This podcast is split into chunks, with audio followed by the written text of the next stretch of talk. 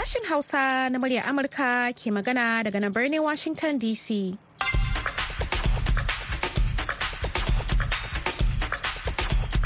Masu sauraro, Assalamu alaikum. Barkanku da asuba da fatan an waye gari lafiya. Hadiza kyari ce tare da Maryam Dauda da sauran abokan aiki muke farin cikin kasancewa da ku yau Juma'a uku ga watan Fabrairu na shekarar 2023. Kafin ku jabo da muke tafa da su ga Maryam da kanan labarai.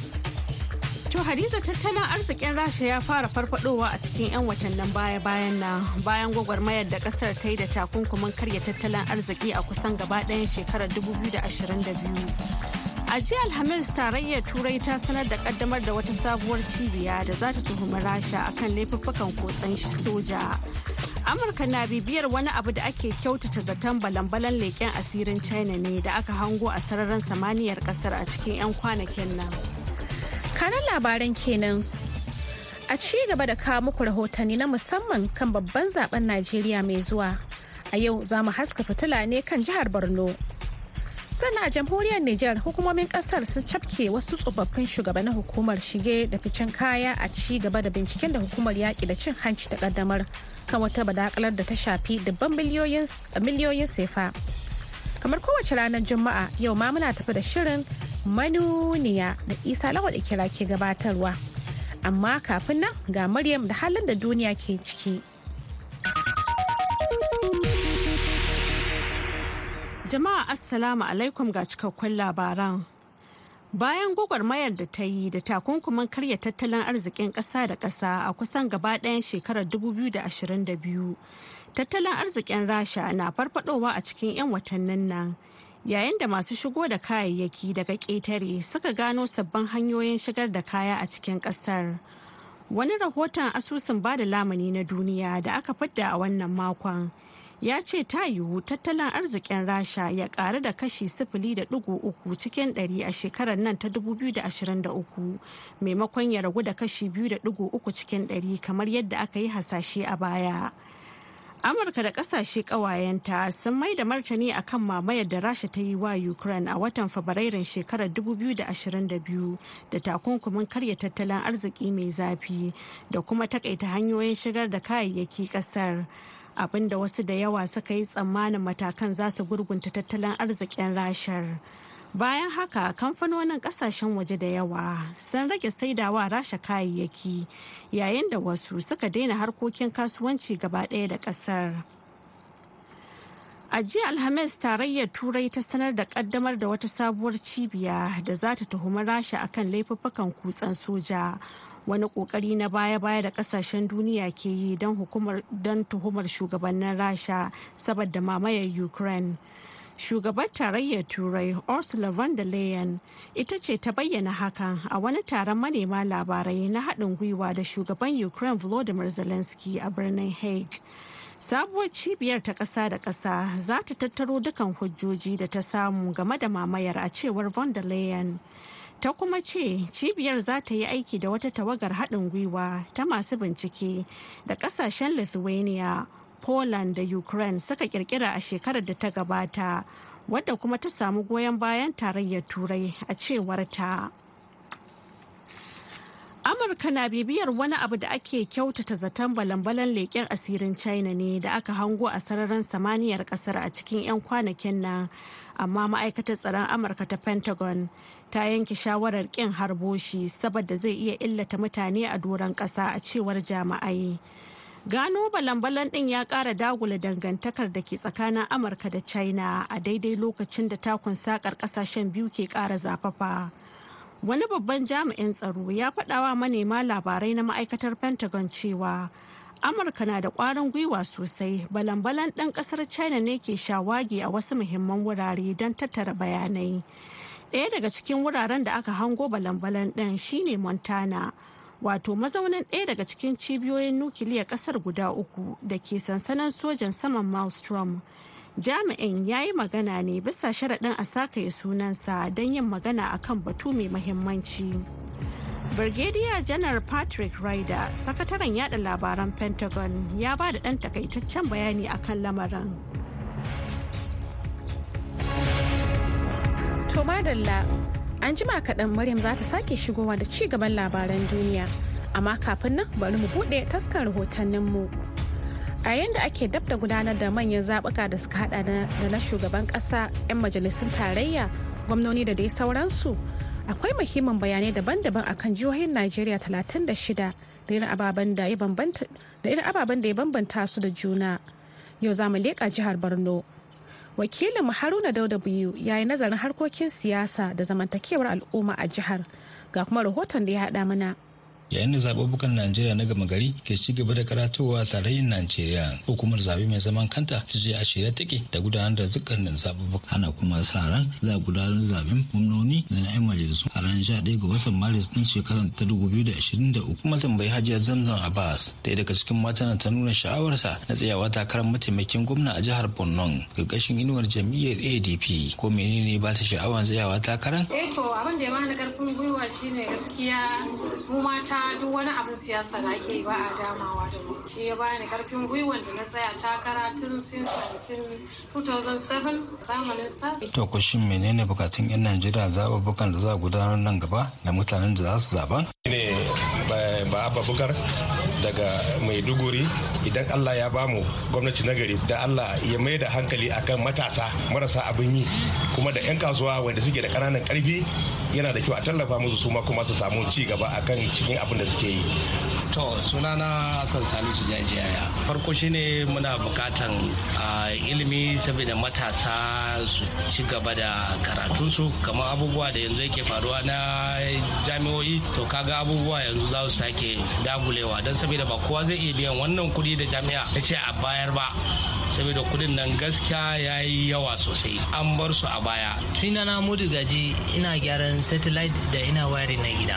To alhamdulillah duk shugaban da allah ya ba mu musu alkhairi ga mu. Muna so ya dube mu da idan rahama. Saboda ba komai ba komai ba akwai matasa ire-iren mu marasa abin yi. Da dama a dube mu da idan rahama a buɗe mana kamar ma'aikatan koyon aiki da sauransu. Mutane su garzayo su zo su koyi sana'a. Sunana aliyu muhammad. Gaskiya muna so kamar yadda dai a baya gwamnati ta yi ƙoƙari ta tsaya kan abin da ya shafi tsaro. To muna son wata gwamnati ma inda allah ya kafa in allah ya kafa ta muna bukatan ashe an samu tsaro. Saboda gaskiya shine babban damuwar mu yanzu tsaro. Dan idan muka samu tsaron allah da kaga sai mu ci gaba da dan tafiyar da harkokin mu a maiduguri cikin kwanciyar hankali. Rashin abin yi shine yake kawo mana damuwa a cikin maiduguri. Dan kusancin gaskiya muna da matsalan haka.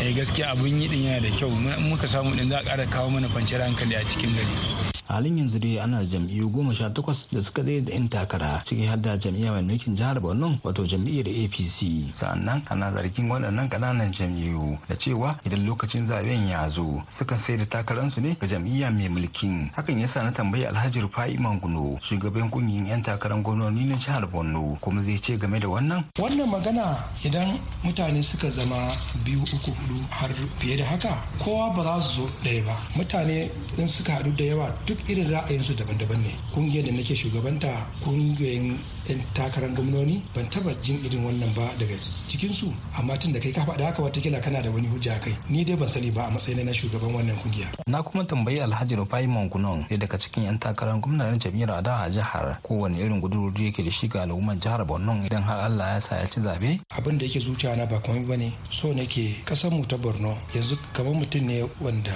ya yi rashin lafiya ya waraka amma bai murmure ba. Abubuwa da yawa sauran jihohi sun wuce gaba. Buri na shine in allah ya bani gwamna a jihar ta borno zan inganta harkan ilimi zan inganta harkan kasuwanci zan inganta harkokin tsaro. In tsaro bai inganta ba sauran mutane da suke sauran jihohi za su ji ɗari-ɗarin zuwa borno saboda yin kasuwanci. Saboda waɗannan kaɗan daga cikin abubuwa da na lissafa muku su ne suke cikin raina in na zama gwamna in tabbatar saboda daga jiha jihar mu ta borno a idon duniya. Shugaban muhammadu buhari na najeriya dai shine gwamnan mulkin soja a wancan lokaci na 1976 hali zuwa kan professor babagana umar zulum wanda shine kasance professor na farko a matsayin gwamna da ya kasance da wannan mukami. Karkashin inuwar jam'iyyar apc mai mulki. A yanzu dai ana da yan takarar gwamna guda goma sha uku wanda bisa bayanai ya nuna cewa mata suna guda ɗaya tilau ita ma mace guda ta kasance mataimakar gwamna a wannan zaɓe mai zuwa. An da jihar borno a 1976 da ake da 'yan takarar gwamna daban-daban guda goma sha uku da kuma 'yan takarar majalisar dattawa guda ashirin da shida kin uku da ake buƙata kacal yayin da ake da 'yan majalisun wakilai guda hamsin da shida inda guda goma kadai ake sa ran za su roki jihar borno yayin da wadanda suka nuna sha'awansu na tsayawa majalisar dokoki guda ɗari da casa'in da biyu. A cikin su kuma za a zaɓa guda ashirin da takwas wanda suna yake sa ran za su walkici kowane ƙananan hukumomi. A yau da ya jihar borno na da ƙananan hukumomi ashirin da bakwai da borno ta tsakiya borno ta arewa da kuma borno ta kudu. Haruna dauda biyu muryar amurka daga maiduguri a najeriya. To a gaida haruna dauda biyu yanzu ga maryam ta dawo da labaran duniya kashi na biyu. A rana ta uku a ziyarar da yake yi a nahiyar Afirka, Papa Roma Francis ya faɗawa shugabannin cocin Katolika na Jamhuriyar Dimokuraɗiyyar Congo cewa za su iya taimakawa wajen yaƙi da zalunci da ya daɗe yana addabar yankin. Francis ya yi wannan jawabin ne a jiya Alhamis a yayin da ya jagoranci addu'o'i a majami'ar Our Lady of the Congo Cathedral a Kinshasa babban birnin ƙasar. Waɗanda suka halarci taron sujadar sun hada da limaman cocin da yawa da masu jagoranci da kuma ɗaliban makarantar seminari. Papa Roma ya faɗa musu cewa sun tunatar da shi irin matsalolin da suke fuskanta na zama a cikin ƙasa mai kyau mai kuma wadata, amma duk da haka tana fuskantar babban ƙalubale saboda cin hanci da rashawa, tashin hankali da kuma rashin adalci. Ziyarar da jakadiyar amurka a majalisar ɗinkin duniya linda thomas greenfield da sakatariyar baitul malal amurka janet yellen suka kai afirka a baya-bayan nan na zuwa ne a daidai lokacin da wani sabon bincike ya gano cewa hada-hadar saka jarin china a ƙetare a lokacin annobar covid-19 ya yi raguwar da ba a gani ba a cikin shekaru sha uku. Ƙasar china ta zuba jari sosai a afirka ta shirinta na gina ababen more rayuwa da ake kira belt and road initiative. Haka kuma a baya-bayan na amurka ita ma ta yi alkawarin zuba jari. Lamarin da masu sharhi suka ce amurka na ƙoƙarin yin gogayya da china don yin tasiri a nahiyar. Rahoton na cibiyar haɓaka manufofin ƙasa da ƙasa ta jami'ar boston ya nuna cewa bashin da wasu bankunan china biyu suka ba da ya kai dala amurka biliyan uku da ɗigo bakwai. Labaran duniya kenan kuka saurara daga nan sashen hausa na muryar amurka a birnin washington dc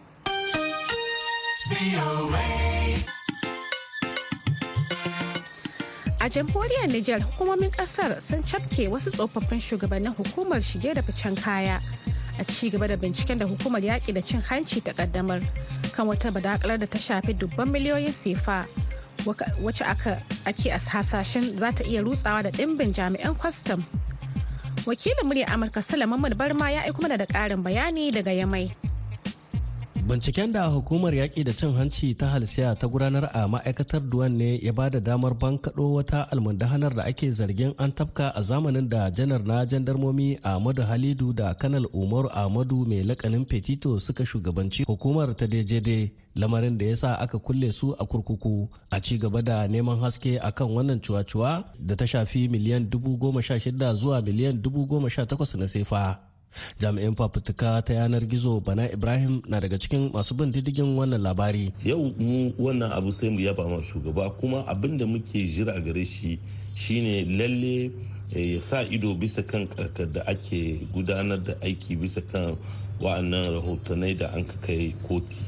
Tunda abin da muka saba da milkin pendes tarayya na shine a kame wa'anda ba ba su da halaka da jam'iyyarsu amma idan an ce ka san wani a cikin tarayya sai kai a ƙyale ka komin laihin da ka yi ma kasa to wannan muna kira ga shi shugaba kasa ya sa ido na ganin cewa lalle ga wanga game ba haka ba ne za a yi. Wasu majiyoyin hukumomi sun ayyana cewa ɗimbin jami'an duwan ne ake hasashen an haɗa baki da su wajen karkata akalar waɗannan kuɗaɗe. Saboda haka akwai yiwuwar wannan yunkuri ya ritsa da ma'aikata kusan ɗari. Dalili kenan shugaban reshen ƙungiyar yaƙi da cin hanci ta transparency international a niger malamin wada ke gargaɗin mahukunta akan buƙatar gudanar da lamura a ƙarƙashin abubuwan da doka ta tanadi ta yadda za a yi abin cikin yanayin adalci.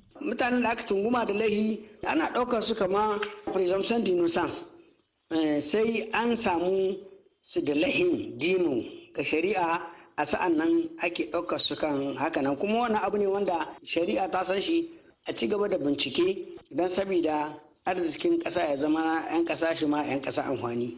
A ko'ina ana samun cin hanci da rashawa. Ya yi kamari. In kun ga kama abin da muka hido nan na ƙungiyar transparency international nijar har yanzu maki 32 ne gare ta bisa ɗari alhalin ka wasu ƙasashen ma har sun kai a gomiya tara a nan ma ƙasashen afirka akwai ƙasashen da ke da 70 bisa ɗari kenan ya kamata a ce mu ma mun yunkura amma a kiyaye da da haƙin kowa. Shugabannin ƙungiyar jami'an Duwan ta sanar da muka tuntuɓa sun sanar cewa suna gudanar da taron haɗin gwiwa da shugabannin hukumar DJD da jami'an ma'aikatar ministan kuɗi.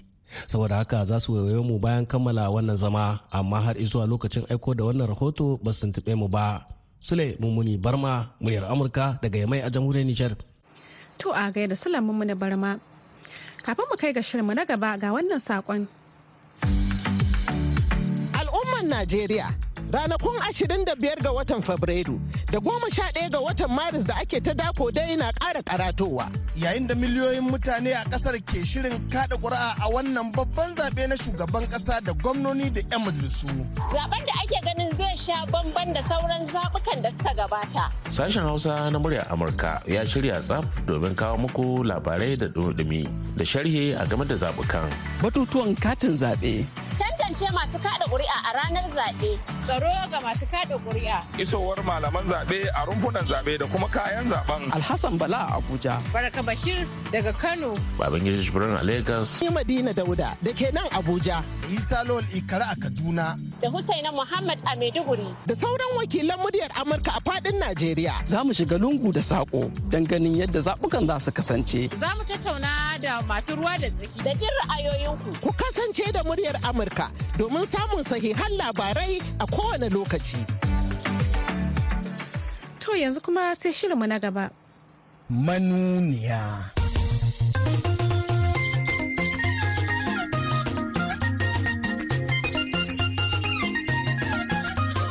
A grup dinmu a wannan ƙungiyar tamu muna da kwararru da muke so mu bayyana ma jama'a a hankali kamin zaɓe. Yadda in mutum ya zo wurin su za su iya ganin shi tsirara. Ya zo musu da gaskiya ne ko ya zo musu da ƙarya ne. mataimakin shugaban wata ƙungiyar tattaga tattalin arzikin arewacin najeriya kenan ke cewa za su yi tsarin da za su sa demokaradiyya a wannan karanta ya armashi. Shi kuwa tsohon gwamnan jihar kaduna sanata ahmad muhammad makarfi gaya wa duniya yake cewa duk da yake dai maganar canjin kuɗi nan an ce masu tarin tilin kuɗi ake son ɗaukan mataki akai amma da yanzu talaka ne kawai ke ta faman yaushi. Yawancin manyan nan su ne da bankuna su suka saye da za su samu kuɗin su. Ka sani ma ko suna da kuɗin a yanzu haka halin da ake ciki amma wa ke shan wahala ba talaka ba ne a yanzu. Wannan canjin da ake yi ana so ne ana ji ana gani a sa mutane su wahala kuma su yi asara. Sai dai kuma shugaban kwamitin da masokilan tare Najeriya ta kafa don bibiyar wannan batu ya ce zaman su da shugaban babban bankin Najeriya ya yi tagomashi. Gwamnan bankin Najeriya na farko ya yarda kamar yadda doka ta ce tsohon kuɗin Najeriya wato naira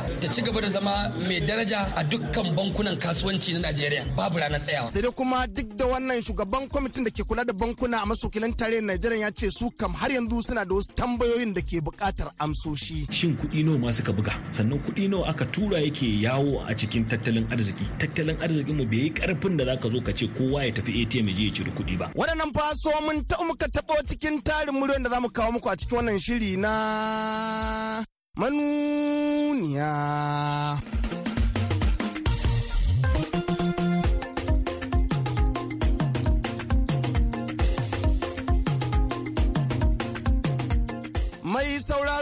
Assalamu alaikum. Barkanmu da wannan lokaci kuma sanin da sa'ar sake saduwa cikin sabon shirin manuniyan da duk ranar juma'a yakan zo da sanyin safiya babu wani fashi. Shiri na ɗari da uku cikin jerin shashiren manuniyan da kan sauke sabon salon sautin da zai sa shirin ya yi armashi. Armashin kuma ya sa mataimakin shugaban wata ƙungiyar tattagar tattalin arzikin arewacin najeriya malam abubakar muhammad kantoma ya ce dole ne su saisaita siyasar najeriya domin talaka shine abin rarrashi.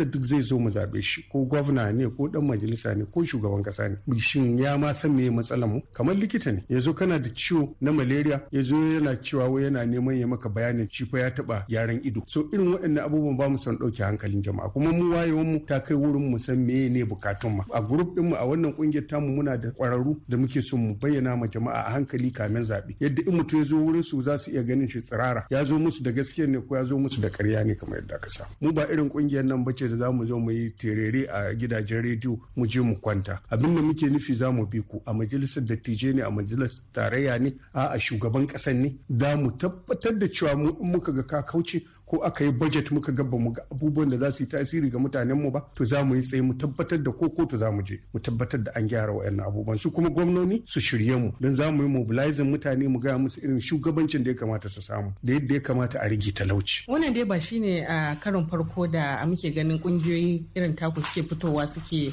bayanin cewa fa lalle fa a yi tsayin daka domin ganin an samu sauyi. So tare zaka ga mutum idan ya fito yana neman a kawo sauyi sai ka ga shiru kuma bayan wani dan kankanin lokaci. Eh to mafiya masu neman takara ko masu neman a san su suke irin waɗannan abubuwan ada. Muna wannan ƙungiyar kowannen mu yana da aikin da yake ba muna neman kuma wata alfarma ne daga wani dan siyasa ba muna neman ma wani dan siyasa ya san mu ba ne. Game da maganar canjin kuɗin da aka ce an ƙara kwanaki goma kuwa tsohon gwamnan jihar Kaduna da ya taɓa shugabancin kwamitin kuɗin masarjan tare Najeriya sanata Ahmad Muhammad Makarfi ne ya ce ai wannan canji talaka yake casawa ba masu kuɗin da ake ta ƙoƙarin kwakule kuɗin hannunsu ba shi yasa talakan ke ta shan gashi kashi kashi. Maganar canjin kuɗi dai gwamnati ta riga ta canza.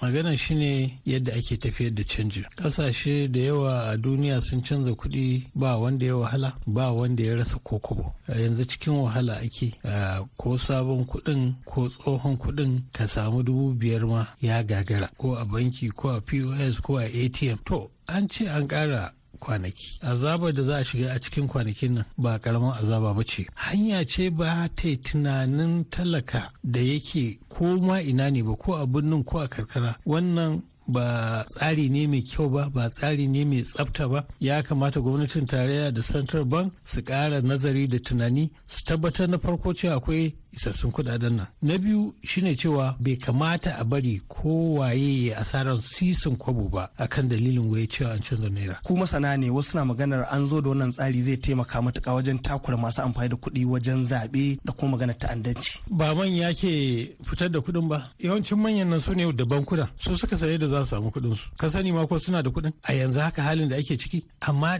wa ke shan wahala ba talaka ba ne a yanzu. Shi kuwa sanata Ali Induman jihar Bare barin Borno ga wa duniya ke cewa wannan maganar canji tsari ne da ke ɗauke da ganin kyashi. Inda majalisa na da ne wallahi bai isa yi haka ba. Don yanzu ɗazu na gaya ma senate president ma na ce ya ya bari ana yin haka.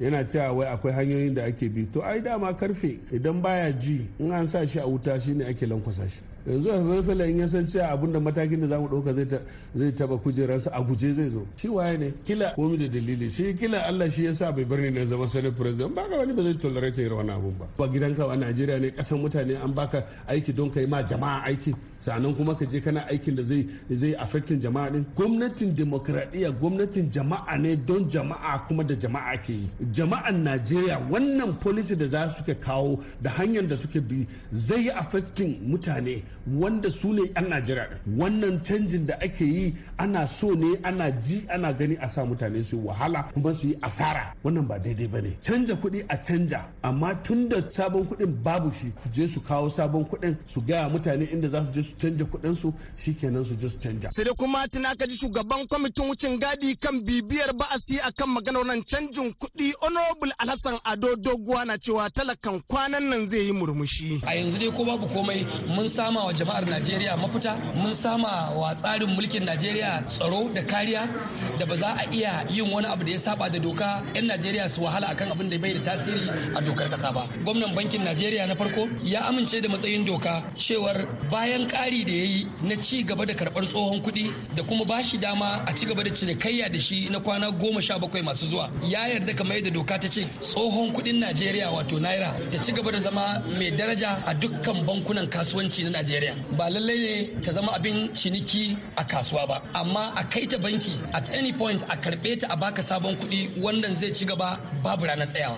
A iya fahimtar mu shine in dai matsayin doka ya zauna kuma ya karɓa mu mun yadda akan haka to kaga ba mu da wata matsala. Kowane ɗan Najeriya ya sa ransa a inuwa babu wata rana da za a wayi gari ya kai kuɗinsa banki a ce yayi asarar kuɗinsa. Shi kuwa mukaddashin shugaban kwamitin bankuna a masokilan tare Najeriya Honorable Hafiz Kawu kawo wasu dalilai yana mai gaya wa duniya cewa tsarin canjin kuɗin da aka zo da shi Najeriya fa ya sa tattalin arzikin tare Najeriya ya fara dingishi. Mun ce da shi a buɗe akan kanta a dinga withdrawing kuɗi ba akan ATM ba saboda layin da ake a ATM ya ɓaci ya yi yawa. Sannan ko mun ba da shawara cewa ya kamata gwamnatin banki ta sanar da wannan majalisa shin kuɗi nawa ma suka buga. Sannan kuɗi nawa aka tura yake yawo a cikin tattalin arziki. Saboda masu ƙananan sana'o'i da masu ƙananan bukatu sun fi yawa a cikin al'umma. Ba za ka zo ka kawo doka ka ce saboda ɗan kalilan amma kuma akasarin mutane da su sha wahala ba. Ya ce mana an samu mutum dubu talatin sun shiga ƙauyuka. Mu ba wannan muke kallo ba. Kana maganar mutum miliyan ɗari biyu a Najeriya. A cikin mutum miliyan ɗari biyu nan in ka kasafta wurin miliyan ɗari da casa'in da tara yawanci masu ƙananan ƙarfi ne. Tattalin arzikin mu bai yi ƙarfin da zaka zo ka ce kowa ya tafi ATM ya je ya cire kuɗi ba. Shi sa ake layuka. Yanzu shawara uku muka bashi mun ce na farko a buɗe a dinga cire kuɗi ta kan kanta. Shawara ta biyu muka ce a ƙara wannan limitin a dubu ashirin da aka saka a ƙara. Sannan shawara ta uku da muka ba shi ne muka ce ya ba da dama in mutum yana da kuɗinsa na halaliyarsa ya je ya deposit a account ko a canza masa a bashi wannan sabon kuɗi.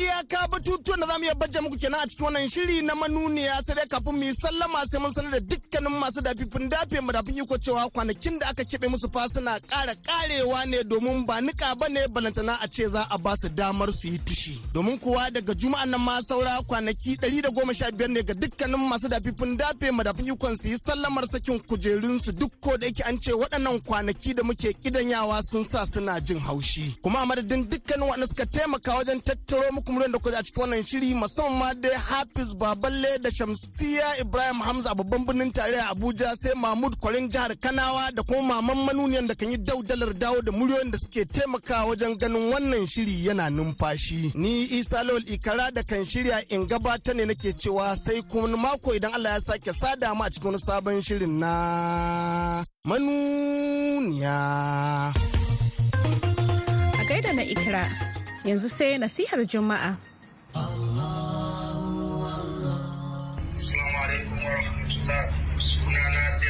bello ɗayin suga ni ne cikin na Bible State. muka shirya kudu ba ta can mugudiriya domin riya tana bata ayyuka kuma tana daga cikin kaba'ira sabida Allah madaukakin sarki baya son ka yin riya a cikin ayyukan da kake yi na ibada ne ko na mu'amala tsakaninka da al'umma. Sabida Allah madaukakin sarki yana son bawan sai zamto mai tsayayye zuciya ya tsaya tsakaninsa da Allah ya ibada domin sa. Sai Allah sai saka masa. Sai misali ga waɗanda suke ba da sadaka alamar mai zai iya cewa ya kuka imani. Kada ku bata sadakar ku da gori da cutarwa. Kamar yadda waɗanda suke ce da duke su da mutane su gani to irin waɗannan mutanen ba su imani da Allah ba ba su imani da na tashin alkiyama ba. Wa'annan ayyuka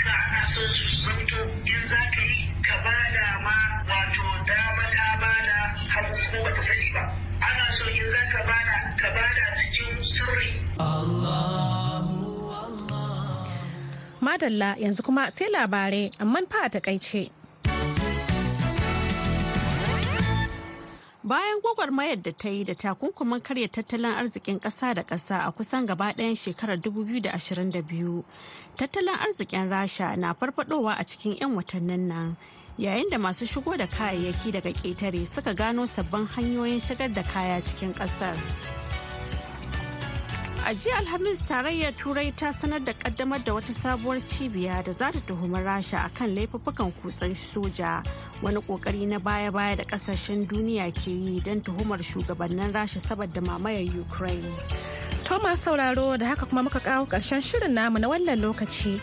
Amma idan Allah ya kai mu an jima da hantsi za mu sake shigowa da wani sabon shirin.